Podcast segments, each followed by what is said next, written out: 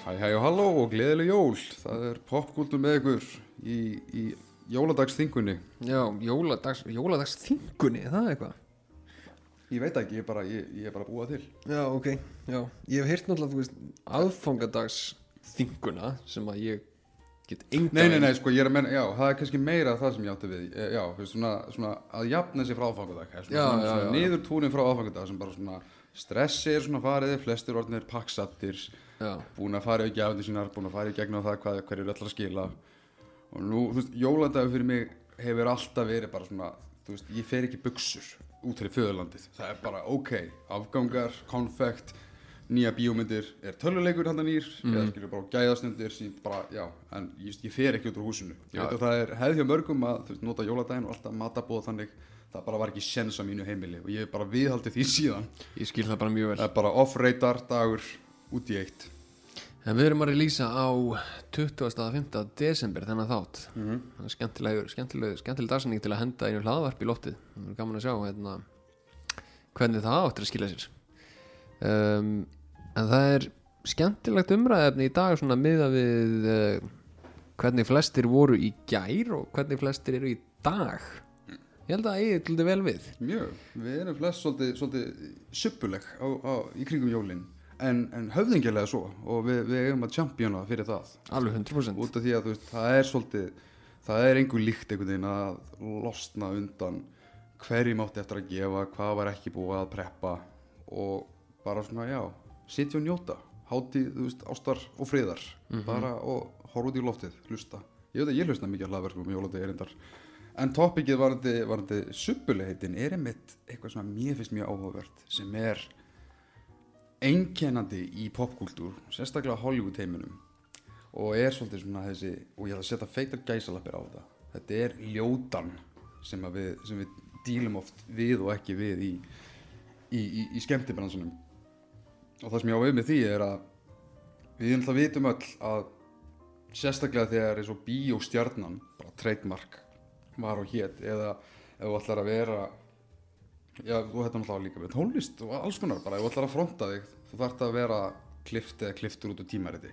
Basically, já. Það er svolítið standardinn og það er leiðilegu standard Það er eiginlega ekki nóg að vera bara presentable, þú þarf að vera meira sko. já, þú þarft að vera sko, meina, það er oft, oft nota dæmi eins og ef þú fer til Kaliforníu með, með hugafærum að gerast leikari þetta er bara svona, eitt, og, og núna er ég svona eiginlega óbeint að vitna í, í, í Disaster Artist frá Greg Sestero og það sem er bara ok, já, bara aftast í röðina með þig ert pretty boy eða, eða bara fallegur nei, þú þarft að, þú þarft, í fyrsta legi það er krafa að vera fallegur í Hollywood svo þarft að geta leikið eða sínt fram aðvinleika og þetta. Nefnitt það sem að Nefnum sér fyndin Já, eða, eða þú ert kartilleikari búin að sanna því einhverju, skilju, þá ertu komið nýs, skilju, mm. þú, ef þú lítur eins og Paul Giamatti, þú ert ekki að fara að vera í alhjóðirkum í, í, í big budget myndum, þú ert yfirleitt exposition, vísindamæðurinn, eða svona ljótið feiti pappin, færið alltaf eitthvað svona, svona stimpla á þig. Eða nöttarinn Já, það líka, já, vá, og, en, en, þú en þú færið að vera líti í, í, í indie myndum og, og, og heppin ef svo. En þetta er eitthvað sem ég alltaf fundist áhugavert, sérstaklega og þú út fara á þeirri einföldu klísju að það er oft sagt að eins og til að vinna Óskarinn hinn merkilega Óskar sem er náttúrulega bara veist, sjálfsklappar viðkenningar hverja náðu við að múta velun Mhm. en, en ein, einhvers við viðkenningarnar koma oft í, í formi þess að þegar leikari stígur svolítið út fyrir svona sitt zone og gerir sig svolítið svona aftur svona gæðslappa, ljótan þá er hann teimun líkleri eða hún til þess að sópa til sér velunum aðtikli mér finnst þetta eitthvað sem er þess verið að ræða og af hverju það er og leiðirnar sem að sumir leikara hafi farið fyrir listina sína eða, eða veist leitina að, að, að, Óskar frænda, hverju sem er. En þetta er, þetta er, þetta er alveg áhugavert svona jólatopic til sem, sem mér datt í hug. Og einhverlega vegna kemur strax upp í hugan uh, eins og hérna uh, Charlize Theron. Já, víða þekkt sem bara Babe hún er Babe, hún er alltaf frábær hún er ógeðslega hæfileikarík, skemmtileg félunni tætlur.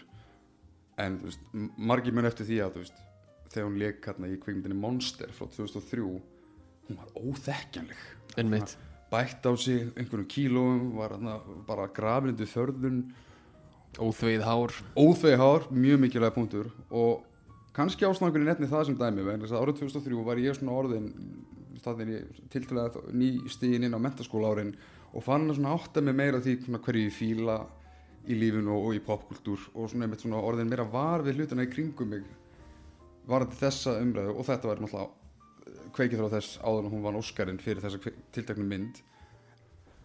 En á þessum tíma fór ég sérstaklega að pæli af hverju er þetta einhvern veginn svona automatically eitthvað svona til þess að bústa feril og algjörlega að utanskildu það er sko til svona gott materiál eða ekki en svo fór náttúrulega þá einhvern veginn kom upp svarið. Og ég hérna mjög ungur að hugsa well, auðvitað pæli fólk meira í dómum þar sem að líst er um leikarana. Bara svona, að leikarinn algjörlega umbreytti sér og, og hvarf inn í hlutverkið en þá kemur alltaf þetta þetta er fókin leikari, þetta er það sem hann á að gera. Þetta er starfið, emitt af hverju eru við svona mikið að fagna því þegar er mitt leikar að breytast eða þú veist, já, ímyndabreiting eða eitthvað svona sem er, já, nákvæmlega, þetta er starfið. Og það er svolítið kjarnapunkturinn hérna.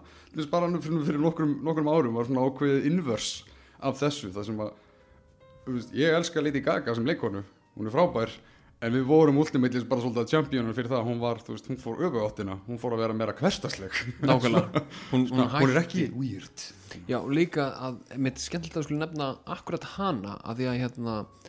það er til vídeo á netinu af henni að spila á bar á piano. Þar sem hún er að reyna að meika áður nú var þú veist Lady Gaga. Og hún er bara venjuleg eins og hún er á, hver, á hverjum degi skilur bara þú veist það er eins og hún vaknar á mótnana er bara að spila piano og syngja á okkur bar og þú veist og svo var þetta vinsælt neða var þetta vídeo vinsælt setna meir af því að þú veist hei, þetta er actually Lady Gaga. Já, en þar var hún að meika bara sem venjuleg söngkona. Já. og svo komst hún ekki almennilega inn í fræðina fyrir einhver ég veit ekki hvort að, þú veist, ég veit ekki hvernig þetta virkaði. Hvort að hún hafi átt hugmyndina að þessu eða hvort einhverjur pródúserar á stúdíó hafi verið, þú veist, heyrðu við getum alveg gert eitthvað við þig, þú veist, þú ert með röddina. En til þess að láta það ganga þá ætlum við að klæða þau upp í sko búninga sem að er að fara að gefa þér bara hérna, mestu vöðabólgu sem þú mynd nokkuð tíman hafa nokkuð upplifað á æfinni sko. Já, það, það bara, þar kemur það niður því hún var bara að finna sitt nýs. Þú veist, það er bara hvernig getum við látið hann að skara fram úr, það er náttúrulega virkaði skilju, þetta er bara þetta, sérstaklega þegar við erum að fara mántana með á rauð, rauðum dregli með öðrum sko, hver er að fara mun eftir þá sem er leitandi svo geimveri að þá sem er í nýja Gucci kjólnum og bara eina batteríunu frá, frá tímaritsklift af fólkinu en það er góð, góð nálgun. Það, það, það er bara svona, hvort sem hún eða markastild þetta var mjög sniðugt í hennar keisi Já, og svo Madonna var hana svo líka við þessu þegar hún var orðin fræg, Já, var hana við að þú veist, þetta stykk uh, mun ekki þetta mun ekki endast? Veist, hún verður að, að líka brjótast aðeins út úr þessu sem er náttúrulega gerðist. En, en það er náttúrulega, þú veist, kemur frá manneski sem að einmitt gerði svipaðan hlut á sínum tíma sko. en náttúrulega að- lokum braust út því líka og Madonna sem við þekkjum í dag er bara þessi glæsilega kona sem að er með geggjaða rödd og geggjaða plötur og allt það en hún var náttúrulega sínum tíma líka með ákveð svona búninga og karakter dæmi já, já sem að gera hana fræga sko. Þú veist, hún, hún vissi einhvern veginn hvar svona, já, hvernig átti að- að að beina sínu talenti. Hún alltaf bæði var rosalega progressiv og edgy og þetta, en svo er það líka ímyndin sem alltaf fór ofan á það. Mér finnst þetta að fyndi að Madonna af öllum hafi ráðlagt eh, Lady Gaga þetta verður sem mér skilst svona með við flest rekord að Madonna er ekki mjög mikil aðdáðandi Lady Gaga út af því að ég held að hún sjá og mikið sem svona hún er ekki það góð en meðan hún er svona, svona bara að svolítið svona mér finnst Lady Gaga absolutt vera svona Madonna svona, svona nýst tíma skilur Já. þá náttúrulega me- meikar alveg sens að, upprunlega eintaki sé svolítið svona ah, hvað veit hún um, um talent Já, það sem gæti alveg verið að hún hefði sagt þetta í, þú veist, ákveðni gremju líka, Já, þú veist, já. bara bendir á þetta stikk mun ekkert ganga þú veist. þú ert ekkert á þenn búningsins en, en Lady Gaga fekk enda réttilega rosalega verðskulda aðtegli frá því hún leiki í American Horror Story og svo upp í mitt Starisporn en, hlað mér fannst glansin í kringum Starisporn verða svolítið mjög mikið mitt bara eða svona þegar ég segi glansin kannski þetta er meira svona, svona watercooler samræðnar Lady Gaga hún er bara hún er bara frekar, frekar normal, hún er bara frekar flott Ég er svona, já, hún er alltaf, alltaf verið rosalega flott eitthvað. Já, og alltaf verið mjög, mjög bara, þú veist, eðlileg og, og falleg manneskja, skilur Og heppilega finnst mér að vera að minka með árunum þar sem að þú þarft eiginlega svona bara að haka þetta af svona hvernig get ég breytt mér sem, sem, sem sérstaklega já leikara og, og sérstaklega með, með þingdarmissi eða, eða, eða, eða viðbót það sem að það er það, stikkið af því í rauninni farið. Svona blessunulega finnst mér. Það sem að einhvern veginn, já, bara, og, og bara gott að nefna líka Nicole Kidman sem dæmi hérna, í myndinni The Hours frá 2002, langar mér að segja. Þegar hún, hún leik Virginia Woolf þá fekk hún make-up nef eða svona það sem að margir myndi lýsa sem svona ekki beint eitthvað svona fyrirsætu nef. En, en, en þú veist en fyrir það Nicole Kidman fær kannski oft hilli en því man að það var sérstaklega svolítið svona það þótti mér djarft fyrir sérstaklega bráðfallega leikuna að gera sér svona, svona homey looking eitthvað. Gaman svolítið líka þegar einmitt svona stærstu nöfni ná að þú veist, einhvern veginn sanna þetta með ákveðni klikkun. Og það er náttúrulega kemur strax upp í höfum Christian Bale. Já, það er náttúrulega sko, að maðurinn er eitthvað, hann er masokisti veist, það er ekkert annað orð sem að lýsi því hvað hann hefur gert og hvernig hann hefur gert það en að þú veist, það er bara eitthvað að í haustum honum. Hann hata líka með sinn. Hann gjössanlega hatar líkamann sinn meir en allt. Þetta er einhver, þetta er einhver rosaleg svona sjálfsrefsing og það er eitthvað mikið sem liggur á baku þetta í honum. Og eiginlega svona kannski hvað þekktast að dæmi með það að vera mitt svona ljótur á, á filmun þú horfir á myndina Machinist frá 2004 eða 3, til giska 4 segið það frekar. Þetta er náttúrulega bara það er, það er átakalegt að horfa á hana mann. Gæinn átt túnfisk, epli og reykti sígarettur. Jöp, í tvo mánuði og misti 28 fucking kíló fyrir hlutverkið. Já, þetta er góð mynd og damn, þetta er gott dæmi um leikara að veist, fara beyond fyrir hlutverkið og þetta er, veist, ég ætla að segja já, hlutverkið algjörlega grætt á þessu. En það er leiðilegt að hann fekk í Óskarinn ef, ef þangaði farið en, en, veist, en þetta er líka svolítið svona ómikið einhvern veginn svona indie tangent frá því og tengist því náttúrulega líka að það er ekkert automatíst út af því að Óskarinn er alltaf keiftur kampænið er keift og stundum eiga bara framlendur ekki nefn pening til þess að vera með en ef það hefði verið náttúrulega svona neutral basis bara fyrir að hafa sett þetta fordæmi Kristján Bale hefði absolutt átt að fá bara öll fokkin velunin en það sem er merkilegar við þetta og ummitt í samengi imræðinu með Kristján Bale er að þú veist hvað mynd hann gerði eftir með sínist já, var ekki American Psycho nei, hún er undan. Hún er undan. Já, hann fer frá American Psycho forminu niður í Machinist Já. fer frá Machinist forminu upp í Batman formið. Já, næsta mynd sem hann gerir er akkurat Batman Begins þar sem hann bætir á sig eða í rauninu vinnur upp þessi 28 kíló pluss 13,5 kíló af vöðvum. Já. Á, þú veist, við erum að tala um sem er, sem er snar mikið. Það er, meir, mikl, það er miklu meira að bæta á sig 13,5 kíló af vöðvum en að missa 28 kíló af líkamsmassa sko. Veist, það er margfalt erfiðara mission. Þú þarft ekki bara að vera heima hjá þér, reykja sígaretur, borða tungfisk og, og epli sko. og, og, og eitt af magnaði við þetta líka sko, veist, það er ekkert eins og Batman Begins að vera eitthvað one and done. Veist, þetta er ein af þremur myndum sem eru speysaðar út um þú veist, hvað var, 2005-2012 og hann er ekkert bara eitthvað í hérna buff gýrnum hérna þennan tíma, hann er ekkert að gera eins og margir myndi vera samningsbundin yfir sem er bara, ég ætla bara að halda þessu massa út þetta tímbil sem ég er að vinna fyrir gefið stúdíu nei, nei, nei, hann á milli, þá er alltaf að gera hann fighter. Já, þar sem hann léttir af sér aftur þessi töfra tala, hann létti sig um 13,5 kíló og svo vinnur sig aftur upp fyrir hérna Dark Knight Rises og bara já, með þennan það sem að hann er, það er ekki þú, sérðu alltaf að, að þessi ára á milli tökudaga á þessum myndum.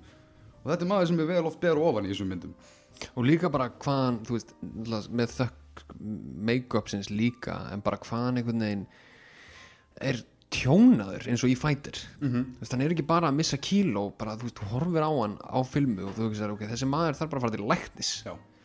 Veist, þetta er ekki, ekki heilbrygt hvað hann er að gera. Og svo kemur, þú veist, Dark Knight og hann er bara, ok, þetta er bara the epitome af, þú veist, svona human peakness Jöp. allt í einu. Bara hvað gerðist? Bara grísk stitta í hverri mynd undatenninglaust og guð mig góð ég hef þetta í öllum háskerpum bara hvernig er þetta bara og ég get meira sem ímyndað mér að stúdíu í dag myndi mörg hugsa ah we'll fix it in post. Við bætum bara við og mér ef þetta næst ekki en nei nei þú veist Christian Bale fer allar leið og svo veist, þetta var ekki eins og endinn á því. Og, og það náttu bara allt e- eftir nánast að fara bara í hináttina sem hann gerði sér með myndinu Vice þannig Dick Cheney. Já, bara- þú meira þess að gleyma hérna, American Hustle líka. Já, jú, jú, þetta, já, ég glimti henni. American Hustle kemur hann út á undan Dark Knight Rises eða nei, ekki hún kemur eftir á. Eftir að Dark Knight bara Rises. rétt eftir á. Já, hann, hann gerir Dark Knight Rises í megaformi. Svo kemur American Hustle uh, þegar hún kemur eða þegar trailerina þeirri mynd kemur út þá held ég að hann væri með gerfibumbu að því að var með svona grjót harða bumbu. Bara svona þú veist, bara svona, veginn svona kalla bumbu sem þú sérði á svona 70 mönnum. Þú veist, bara svona þú hugsar, þú veist, ég get, ef ég kýli þetta þá brýt ég með nefan bumba og honum tókst að þetta er alltaf bara mjög hörð fita á móti mjúkri fitunni sem hann sett á sig fyrir Cheney hlutverkið en hún lúkar eins og hún sé gerfi og að því þetta er bara þetta er bara, maðurinn spætti bara á sig og svo sérðu myndina og þetta er fyrsta atriði myndinni Já. hann er bara á berri hann er bara þetta er, ógeðslega sveittur líka sem er, þú veist, þú horfir á þetta og þú hugsar, veistu, þetta er ekki eins og make-up deildin þurfti ekki einu sinni að setja hann á hann veist, ég held, ég, ég held að hjarta á honum sé alveg bara eitthvað erfitt með að pumpa aha. og hann er bara svitna við að vera svona svo, svo aftur innan við ári setna þá fer hann aftur í hérna, þú veist, alist stjörnu grísku stytti formið. Það þetta svona næstu því ekki ekki og langt frá þeim bæ. Það er líka Moses í glutuðu Exodus, Gods and Kings. Já, en þú veist, þetta er innan við ári eftir American Hustle. Hann komið þangað og svo, já, nýlegasta dæmi er bara Dick Cheney. 20 auka kíló, takk fyrir, þú veist, bara eitthvað nýtt. Og líka þú veist það meiri eins og, eins og ég var nefnt náðan með hörðu og mjúkufytuna þá er hann að bæta á sig öðruvísi tegund af fytu já, af því þá verður hann svona, þú veist, sloppy feitur. Mm -hmm. að, á meðan að eins og í American Hustle þá bættist eiginlega öll fytan bara á magan á honum. Og svo kemur Vice og þá er hann svona dreifður Já. allavega niður eins og Dick Cheney er. Og það lukkar eiginlega líka að því að hann einhvern veginn fer svo alla leið með það það lukkar svona smá eins og hann sé í einhverjum búning. Já, en þú veist, þetta er alvöru. Gæinn actually bara bætir á sig og uh, þú veist, ég bara mann eftir þetta atriða sem hann situr þarna úti og er að tala við þá Bush sem er Sam Rockwell og, og Bush er að borða kjúklingavangina. Dick Cheney er ekki að borða neitt og maður hugsa svona, ætti þetta ekki að vera öfugt svona með við hvernig, þú veist, ma maður hugsa bara þetta er hann hefur ekki viljað að fá neitt bita á þessum kjúklingavangjum af því að þetta er basically eina sem að hann er búin að borða síðusta Já. árið til að koma sér í hlutverkið. Já sem er mitt kemur einmitt inn í næsta punkt sem, sem kendi mér rosalega mikið á sín tíma varandi bara já, aðferðafræði að, að fita sér snögt ekki það að maður þurfti svo sem einhver áminningu um, um þessa tiltökum meðferð sem, eða aðferð sem ég er að fara að nefna.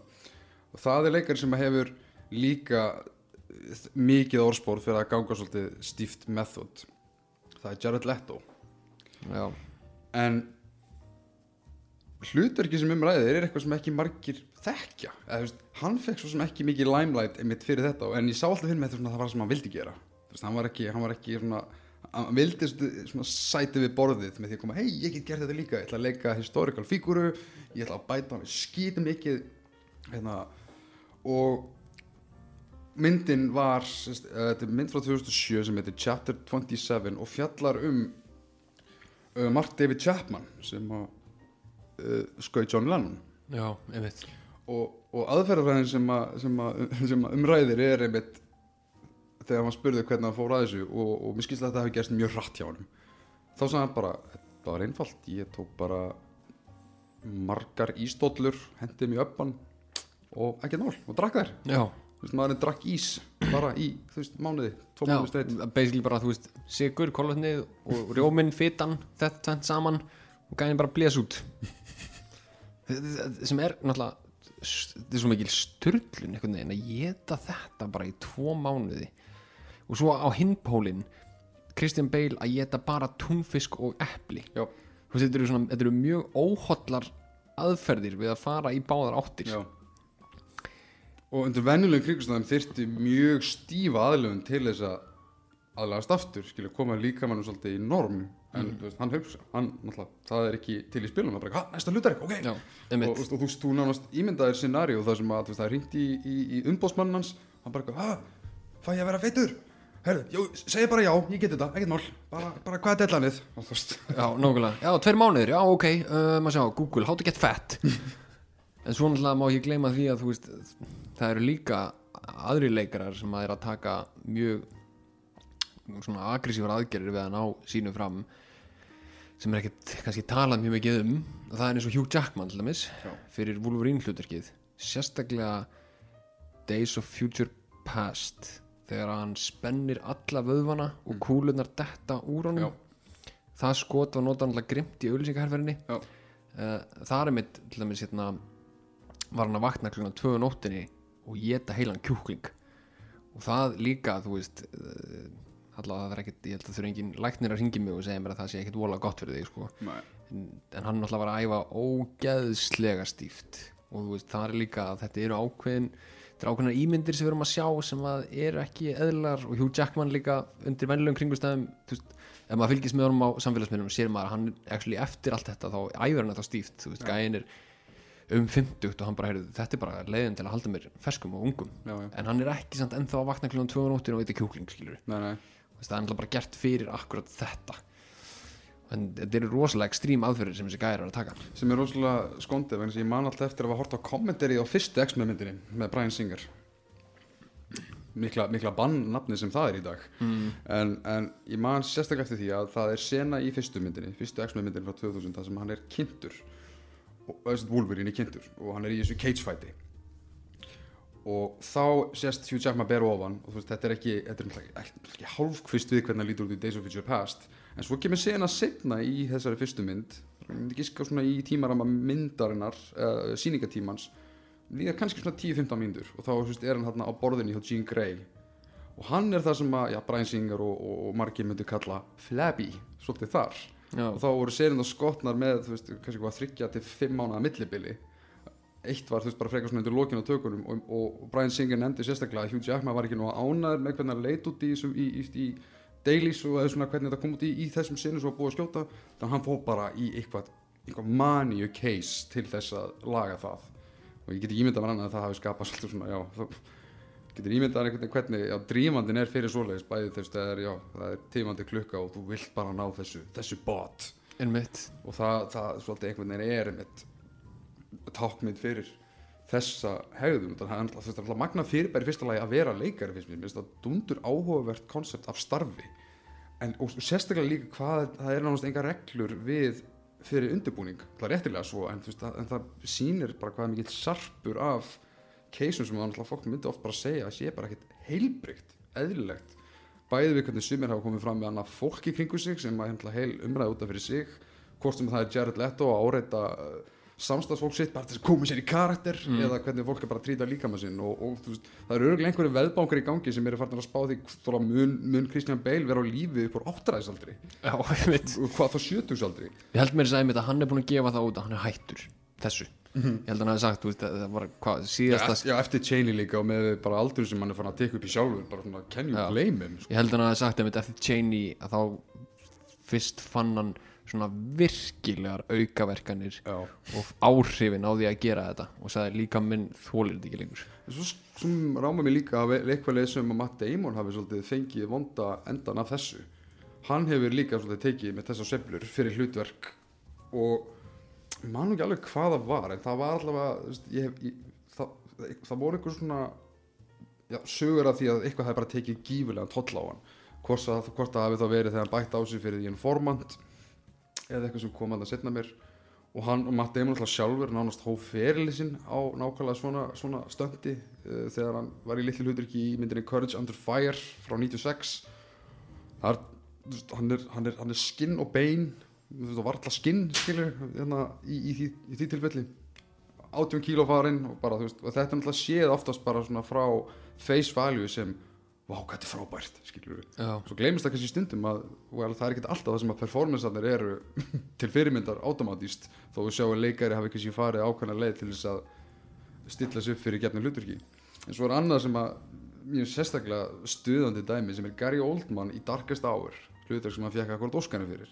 Og að verðluna er bókstala fyrir það að ljóta sig upp ef svo má segja. Og fyrsta lagi aftur til að sína hvað uh, marktæka gildi Óskarsins er þú, við, við könnumst öll við þessi tilfella sem að bara, já ok, þessi leikari var hann, góð leikari og hann er raunin bara að vinna fyrir ferilin sinn. Darkest Hour, það sem er leik Winston Churchill er fullkomið dæmi um það. Fyrir það fyrsta, þetta er vel útlítandi draslmynd með rosalega vondum senum og skilabóðum og tíðum Gary Oldman er frábær í henni en hann er samt fyrir mitt leiti algjört miskast þegar ég horfa á hana. Hann, er, hann er frábært miskast en það er eitthvað rosalega off við bæði lúkja og framistöður í myndinni. Og Oldman náttúrulega, veist, hann bætir á sig og hann er undir alveg hefi gerfi líka. Og var hann ekki fekk hann ekki reykeitrun það er akkur það sem ég ætla að nefna veist, og, og þar notar hann svolítið svona hann, hann, hann, hann gerir svo skemmtilega að fyndi dæmi úr því að það sem að hann já, kvartaði ítrekkaði við til mig bara, já ég fekk hérna reykæturinn og var hérna, fekk bara alveg bara, var illt í lungunum yfir því ég þurfti að reykja svo mikið að vindlum á setti og hann vildi reykja alveg vindla. Það var enginn að skipa honum að reykja svo alveg vindla. Nei, það er til eitthvað koncept sem heitir veist, það eru hvað, það, sett sígarettur eða eitthvað veist, það er ekki, þér er aldrei skipað að innbyrja tóbak ef þú vilt það ekki. En þú veist þarna var gæðin eitthvað svona æ, æ, umíkja ég er maður, uff þetta var svo, erfitt maður. Og, og, og veist, ég horfa á þetta hlutur og hugsa bara ok, gerði mann aftur snildarleikar en gáttu ekki fengið hérna smá, hérna, þykkan gæja bara Brendan Gleeson, einhvern, þú veist Já. John Lithgow var frábær í sem akkurat Churchill og það er nánast ekkert að meika hann upp eitthvað sérstaklega og hvað þá að taka mitt eitthvað svona já, svona vel útlétandi sjarmur og, og breyta honum í eitthvað svona meira já, það er alltaf rosalega loðið fyrir bara einmitt í svona Hollywood standard með hvað er hverstaslegt og hvað er einmitt svolítið svona beyond. Þú veist, já, það er víst það er einmitt þessi loðinu mörk eins og við tölum um með Charlize Theron í Monster bara það að hún er með, þú veist ógreitt hár eða svona hár út um allt einhvern veginn eða einhver farðarna til þess að líta út fyrir að vera með veist, eðlilega rennandi svitahólur þetta er bara svona og, og hvað, þegar við sitja að koma vá, glæsilegt, ég trúði alveg að þetta væri ekki ekki puntað upp sem það er. Það, veist, er þetta eigum við að vera eða við, veist, er þetta hlutverkin sem að eiga virkilega skilið Óskarinn í ferlinu þeirra? Þar sem þau er að fara í eitthvað svona ekstrím aðgerir til að gera hluti.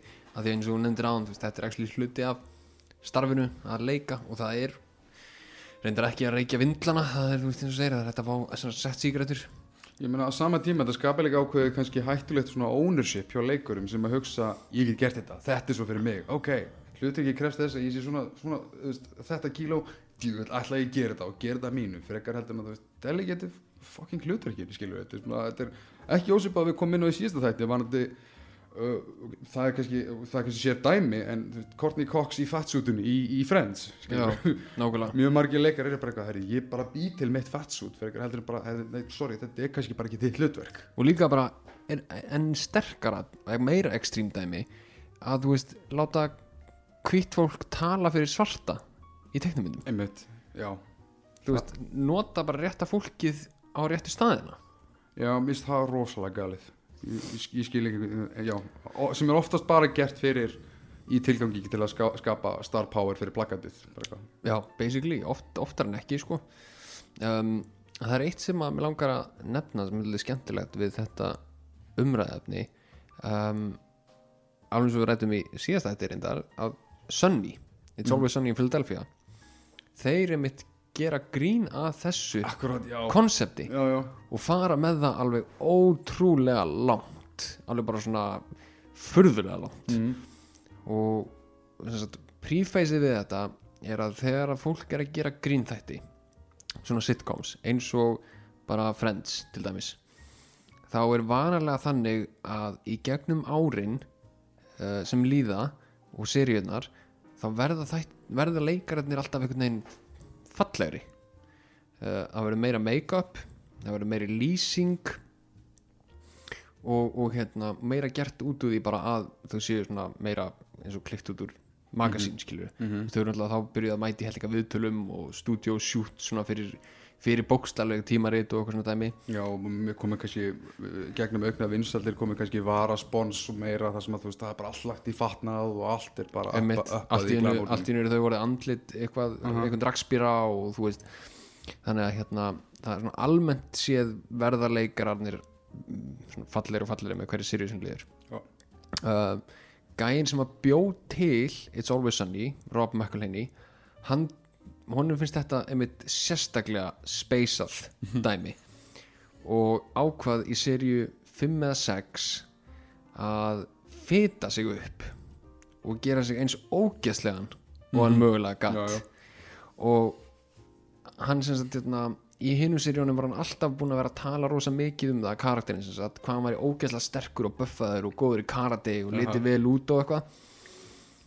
Og hérna í bara í fyrsta þættinum á seríu 5 eða 6 lappar hann inn og er ógeðslega óheilbrigður með bara risa bumbu heldur bókstarlega á svörtum ruslapoka fullum af bakkelsi og kleinurringjum og er að borða það. Og þessi ruslapóki Það var ekki illa rakaði líka jú, svona hann- og hann með svona geð mikið skegg Já. og þetta þessi ruslapóki var meira að segja ekki einu svona hluti af þú veist gríninu heldur var hann sjálfur haldandi á þessum ruslapóka skilur til að geta þannig að hann var að taka þetta persónulega mission um að gera sjálfan sig ógeðslegari og ljótari til meira sem leiða á því meira sem production budgeti var bara til að snúa þessu á, á hérna kvolf um, ástæðan sem að þættirnir gefi upp er náttúrulega það að hann sé að bilda mass þú veist, hann, er, hann er á gaining tímabilinu. Já. þetta, þetta er tímabilið sem hann er að lifta gett mikið og borða gett mikið og verður bæði massaður og feitur einhvern veginn á sama tíma nema það að hann er náttúrulega ekkert að lifta. Veist, hann, er bara, hann er bara mjög óheilbröður um, en svo hérna meðleikarinn hans meiri segja á þeim tíma og, og svo sem leikur konuna er actually konun hans þessum, tíma, á þessum tímapunkti í seríunum. Þannig var það ekki þegar, þetta byrjuðu þau voru öll að segja þú veist bara gaur, þetta er ekki eins og fyndið sko. þú veist, þú lítur ótrúlega illa út þú veist, rosalega óheilbröður og það er líka einmitt atrið þarna í þessum fyrsta þetta það sem hann kemur inn með ruslabokan þá sagði hann við þau öll meðleikarna sína þær að segja að segja bara nákvæmlega sem þeim finnst. Þú veist, þetta er ekki skrifað hvað þau eru að drulli yfir hann heldur er þetta bókstæla þau að segja bara þú veist, þú ert, þú ert ógeðslug, þú lítur ítla út þú ert træðilegur, þú veist hvað að gera, ákveð að gera þetta þetta er ekki fyndið. Og þau höfðu öll mjög miklar áhyggjur á honum. Um, en svo í seríun eftir á þá er hann búin að missa þetta allt. Allt saman allt saman farið, lítur nákvæmlega út og hann gera áður. Bara fyrir, þú veist basically bara þetta fyrsta atriða sem hann lappar inn með ruslapoka af mat. Þetta, gerir kommentirinn og svo þeim er sterkari að einmitt hann hafi náðað bara whip back into shape eins og það var. Út af því að það var svo einhvern veginn svona bara, já, smetla fingri mellir serja og þá er, þá er þetta svona. Og svo tók hann einmitt, þú veist, þegar leðu seríunar í seríu, hvað, 11 eða 12 eða eitthvað þá hérna fer hann akkurat augulegina og verður bara sjúklega massaður. Og hérna það var líka, þú veist, að því að honum fannst það fyndið að karakterinn myndi allt í einu ná markmiðinu sínu að verða svona rosalega, rosalega massaður. Og það gerist þess að á sama tíma og karakterinn kemur loksins alveg út úr skápnum. Já, já, að þá bæði er hann búin að viðurkenna samkynnið sína og gerir þetta. Og ég held að það fyrsta skipti sem að hann hérna í rauninni sýnir líkamann sinn sem er líka fyrsti þátturinn á þeirri serju þá rýfur hann sig úr á ofan. Já, og er að sína sig fyrir öllum. Og þá er einmitt nákvæmlega sama moment þar sem að þau meðleikarnir eru bara af hverju þetta gerir þetta? Þetta er ekki fyndið. Þú veist það mun enginn hlæja að þessu. Og þú veist farð aftur í bóliðin það er öllum drullið saman hversu vel þú lítur út. En þú veist bara hún er fast að fyndið. Skemmtilegt. Ég meina mér að í, í, í svona í þeim skilningi þetta með einmitt uh, þennan útlitsfókus og, og eitt sjálfur sönni þá finnst mér líka mjög fyndið hvernig þættinir uh, innbrá því að þegar Danny DeVito er fyrst kynntur til sögunar í seríu 2 þá er hann frekar bara svona nokkuð heilst eftir gaur og bara svona, þú veist, það er bara svona, svona business suit og þetta. Já, mjög, og svo mjög bara með, með hverri líðandi serju verður hann bara suppulegri og suppulegri og ógeðslegri og bara lítandi meir út eins og einhvern veginn bara þú veist, eins og einhver hafi keirti við lukku tröll sko, Já. og ælti við það. Bara, mér finnst það svo mikið snild og þegar þættir eða whatever einhvern veginn bara svona einmitt, umturnar svolítið konseptið með hvað er einmitt þetta með, með útlitið. Og líka þú veist þess að Dan DeVito hann er ekki mikið hár. Hann er með hennar þarna hálf ring Já. á hausnum. Césarinn og í þáttunum þá er hann alltaf búin að veist, láta vaksa gett sítt. Og hann er alltaf orðin gráherður Aha. þannig að það er svona augljóslega litað svart. Þau passa að hafa sko rótina alveg gráa Já, og svo restin af hárunni svart. Þannig að sjáir að gæin er að lita hárið heimi á sér. Það er já. Þannig að mér mér finnst það er mitt með að þessi þættir gera mikið uh, rétt og, og geðvett svona social commentary að þetta, nákvæmlega þetta koncept á svo vel við Hollywood dæmið sem við erum að tala um akkurat núna. Talandi með, nákvæmlega um Hollywood dæmið og með þessar, þessar furðulegu kröfur sem hefur leitt til þess að já, við já, upprefndi frækt fólk eða leikarar bara almennt verðið einhvern veginn svona að uh, snýða sig við þá er skemmtileg dæmi varandi mitt, það er eitt sem hefðum geta komið svolítið svona meiri sögubækunda fyrir það er, mannstu þegar Íslandingur leik í stóri, risastóri mynd sem Peter Jackson framleiti Mortal Engines. Já, heyra, Helmas Hera Hilmars. Og myndin kom nú ekki með miklu miklu, miklu kvelli fekk ekki góða dóma en ég mikla aðsókn hún var bara já, mikið flopp í overcrowded season á þeim tíma. Það var íslega flott í einu og það var ekkert að henni per se það var bara handritið. En atriði, aðalatriðir er að uh, þetta er byggt á bókum þar sem að aðalkartin er afskræmdur. Bara mjög mikið. Já, og þetta var náttúrulega eitthvað sem að þurfti að svara fyrir mjög mikið í pressunni bæði að herra og framlegendur upp á, þú veist, að bara byttu í, í bókunum er, er þessi karakter sem þú leikur, hún ára með veist, bara, bara mjög sýnilegt ör. En þú veist, samt sem aðeins mjög sterkur og sjálfstæður og ótrúlega mikið hörkutól.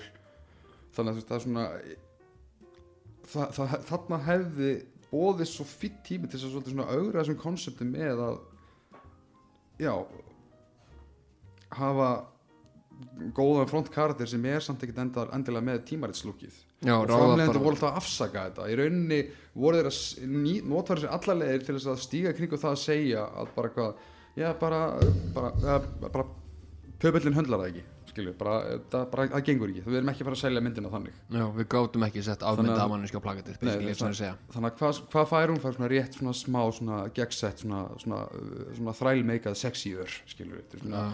það, sem að, það sem að væri mitt svona í, í, í Hollywood heiminum. Þetta er að vera ljótur það, ja, það er annað, annað fyndið dæmið við með þess að svokvallu Hollywood ljóti er að þú mátt nefnilega aldrei ganga langt í hináttina þú þarft alltaf að vera svona, svona áhrendi við bjóðandi sem oftast þýðir það bara eitthvað svona já vertu hverstaslega suppulögur þú mátt, ekki, mátt ekki bera ör eða eitthvað svona þannig sem að þú veist, myndi kannski gefa öðrum hópum með öðrum sem að kannski veist, finna fyrir ein- einhverjum svona einhverjum útlegskomplexum þú veist, þeir, ég myndi að hvað það myndi vera stert fyrir þeim. Ef að Mortal Engines með allan pening hefur leikt sér að segja heyrðu, þú veist, hér er alkartina okkar hún er töffari, hún lítur bara svona út. Við erum ekki reyna að búa til hérna, grísku Einmitt, nákvæmlega. Og mér finnst það svo mikið missed opportunity. Ég finnst að þarna var strax með- man ég að þetta var eina ástæðan okkur að alien þetta stóru hluta af aðdáðanda bókan sem bara ég nenni ekki að sjá þessa mynd núna. Þú veist, þú hefði getað ónað þetta á svo mörgu leiti og ég er ekki að segja að þú veist, þú þurfa að vera með opið andlit alveg framan í sko, og fólk sé að líta undan hverju sinni. Ég meina þú veist en, en fólk lýsir þessu og þetta hafi verið bara tú- veist, meina, við, við meikum samt Two-Face í, í Dark Knight. Það var afskræmdur ljótur en að gæslappa mm. en, þú veist, Já, það var ekkert æsór að horfa á þetta. Nei, við hefum alveg líka getað með meikað fleiri svoleiðis karaktera Já, hann var með líka með þess að veist Ég held að það sé bara eitt af því sem hefur gengið hvað það lengst sko. Hann var alltaf með alveg alveg opið andlit. Já. og þú veist, ég mann þegar að mann þegar að þú veist þessi rosalega rosalega hæp lest gekk hana með Dark Knight. Ég held að engin kvikmynd síðan þá hafi náð, eða bara nokkuð tíman hafi náð jafn góðu marketing campaign eins og Dark Knight gerði, þú veist, á netinu. Einhvern veginn bara, þú veist, það voru interaktiv leikir sem að, sem að fólk Já, já, var að taka já. þátt í. Þú veist, það var gefin út vefsíða það sem að var bara svona eitt púslispil viral marketing á netinu var eiginlega bara ekkert mikið koncept þessum tíma. Nei, og þetta var tekið lengra svo eh, held ég bara hálfu ári setna með Cloverfield. Já, emitt og þú veist, Dark Knight náði einhvern veginn maður þurfti að maður þurfti eiginlega að, að upplifa til að nákvæmlega skilja hvað gekk á þú veist, internetfórum á netinu voru bara brjáluð þú veist, við erum að tala um að myndin á, á IMDb, þú veist, áður en það var mjög algengt að fólk var að gefa bara tíu instantly að því að það, þú veist, elska leikaran í henni eða eitthvað að þessi mynd fór upp í, þú veist, fyrsta sæti Já, á IMDb listanum. Top 250 mann eftir. Því. daginn sem hún kom út af því að þú veist, hæpið var bara rosalegt og hún actually stóð undir því. Myndin var geggjuð. Mynd það ekki en ég man eftir því þegar sagt, það var leki myndin af honum í rúminu lag Já, ok. Og hérna og, og top 5.is í gamla daga, rest in peace skellti, eða þú veist, einhver net notandi skellti henni á netið. Eða sagði bara, þú veist, ég setti einn post, þú veist, ég er með myndina ef einhver vil sjá hana, sendi mér einhver skilabóð og ég skal senda einhvern Já, ég sakna fórums. Veist, þetta er, þetta er tí- tími internetsins á þeim tíma, sko, þú veist ekki langt síðan en þá var þetta, þú veist, ég er með þessa mynd ef þið viljið sjá hana, þá skal ég senda ykkur hana í linki. Veist, það var ekki þannig að fóst á hérna, uh, fóst bara og opnaði Twitter og myndin var bara bókstælega trending og búið að spoila fyrir öllum. Og ég hérna ég sendi skilabóðs að herri, mér langar að sjá þessa mynd.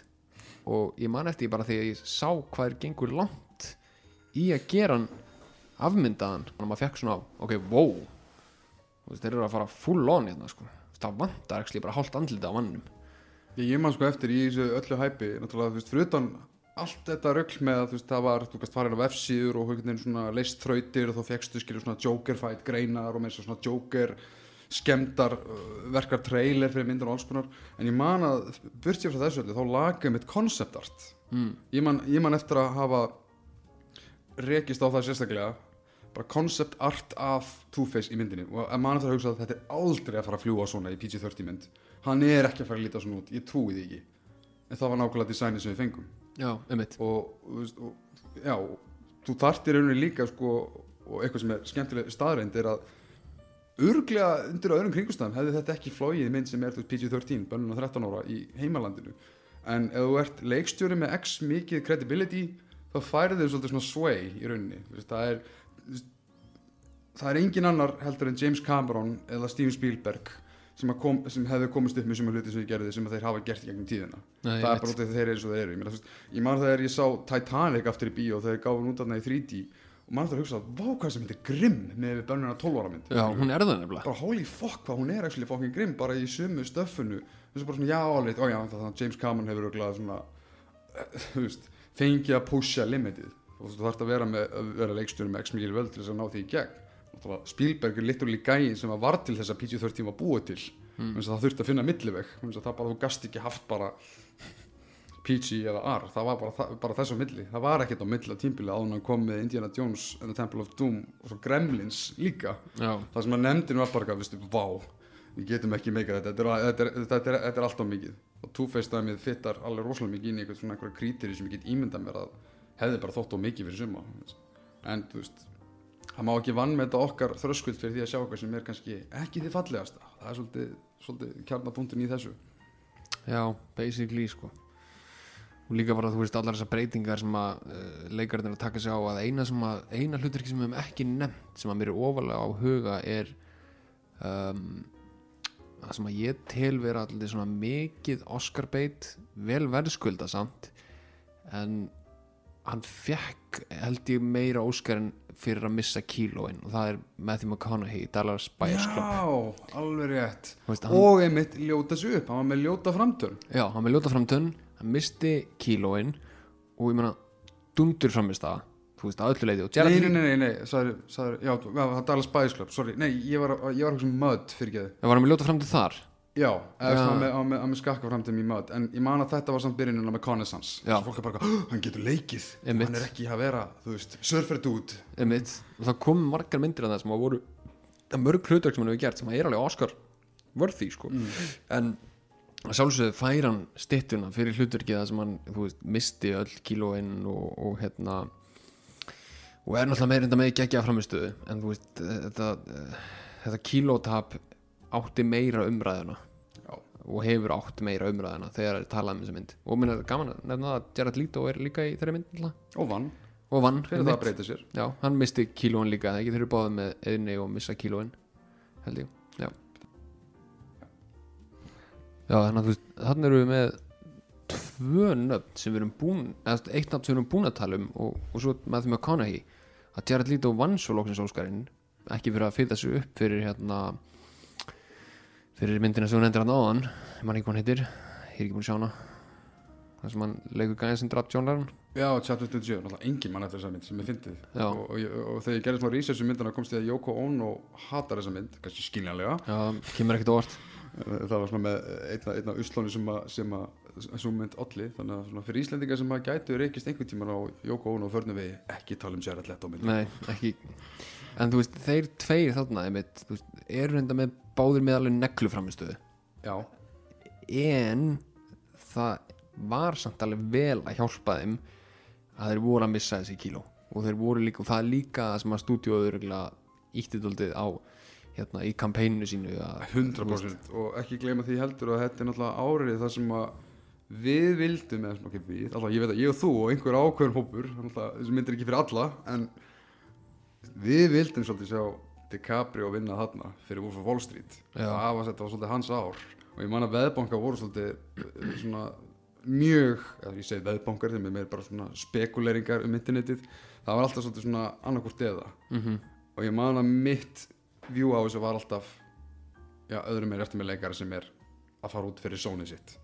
Já. og það er alltaf að fara að hafa yfirhundina þú veist, náttúrulega, hvora sinn hátt frábær já, frábær leikur en þetta McConaughey's byggði náttúrulega allt svolítið svona á því að þetta er bara eitthvað hei, hann er út úr elementinu sínu sem er basically bara hei, hann er leikari að vera leikari.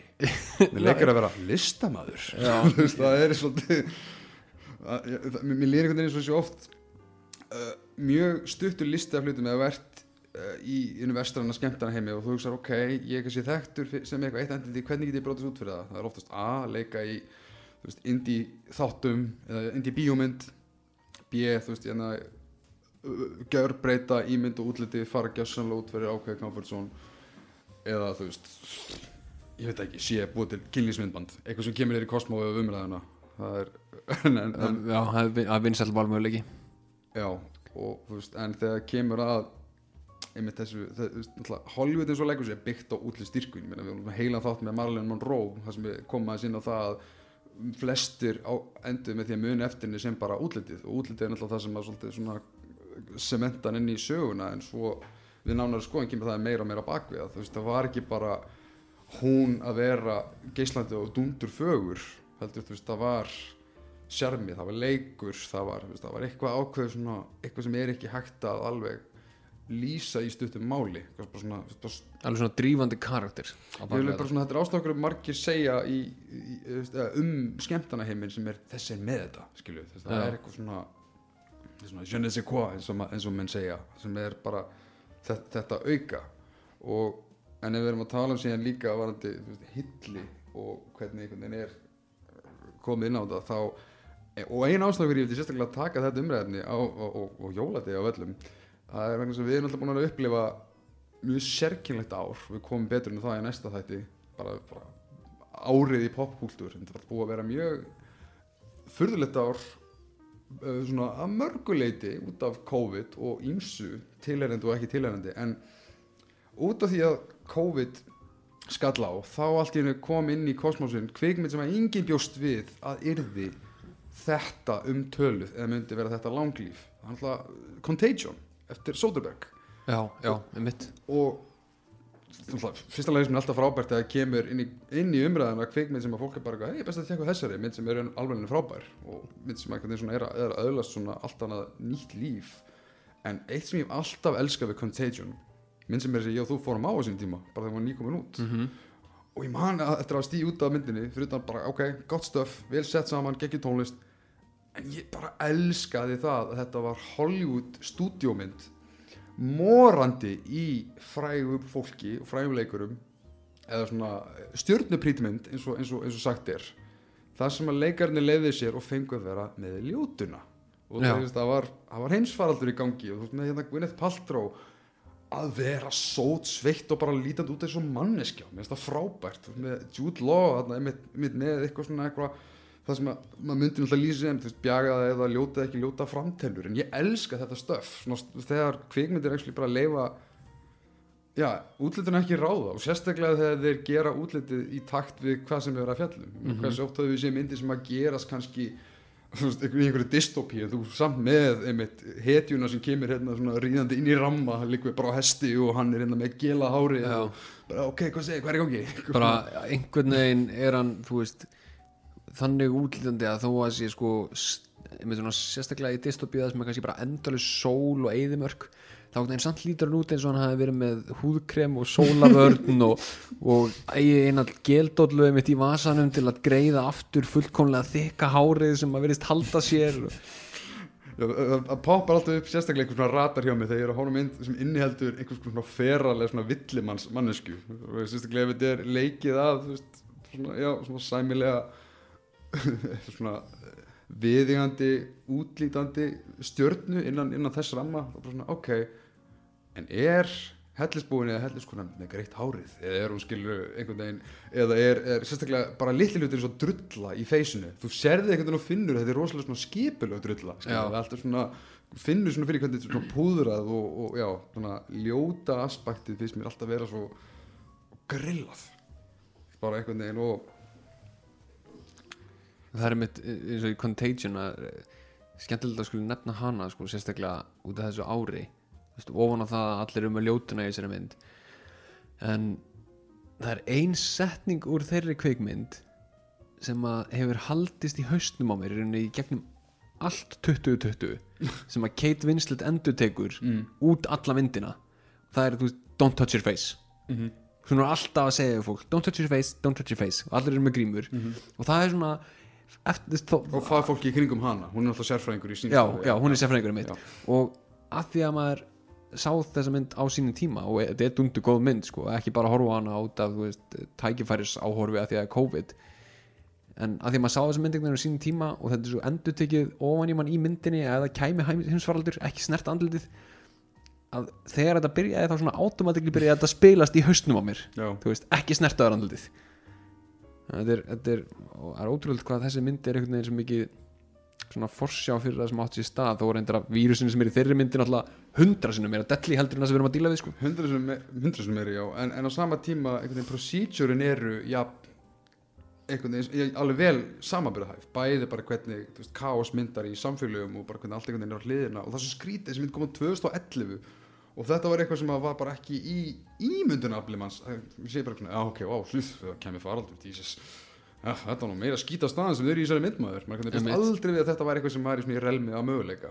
Og menn að Steven Soderbergh sagði sjálfur í viðtali uh, frá þessu ári þar sem hann einhvern veginn hann hafði, þetta var svona myndi sem hann vildi ekki að yrði sönn. Hann hafði, hann hafði mikla ágjur því að myndið fara þangað en vildi ekki gera það eða, en, en vildi ekki hérna, svona já, hvað sem er að áætlaða með sjálfur sér en þetta var einmitt eitthvað sem að honum þótti bara mikilvægt topic á þeim tíma og það var veist, svar við miklu vægari tilfellum eins og þa- þarna voru líka skriðin heldur hvað við svínaflensuna og fleira já, og hann vildi bara svona koma hei, hvað ef þetta bara yktara? Mm Skilu, já, ef þetta myndi hafa áhrif á öll í rauninni. Já, eina sem að vandaði inn í þessa mynd til að hérna fullkomnuna miða við ástandið okkar í dag er að það var engin heima á sér náttúndum að bingja Netflix í þrjár vikur streyta því að þú veist allt var læst og lokað. Sem að við náttúrulega lendum ekki reyndar á Íslandi en, en þú veist en eins og í Breitlandi og annar staðar sko. En svo að lokum ofan á það óskugur öllum glerar jóla og bara þú veist það er svona í umræðu efninu sem við erum búin að tala um. Þið voruð ógeðslega fín í gær þið fóruð í fína púsið ykkar og, og gerður hluti sem að hérna eðla manneskjur myndi telja óþægilegt njótið dagsins í dag. Hvað hva áfangat Já, aðfangadag njótið dagsins í dag verið í kósibuxum, horfið á sjónvapið setja ykkur að góða mynd í tækið og hérna ef þið hafið gaman af, af því sem við erum að spjallum og, og viljið fylgjast með þegar nýr þáttu kemur út, smellið á subscribe, hvort sem þið eru að hlusta á það á Apple Podcast eða, eða Spotify eða hvað sem þið hlustið á á veiturnar ykkar. Og hérna, ef þið eru í sérstaklega góðu jólaskapi þá bara hendi fimm stjörnur, það hjálpar Takk fyrir okkur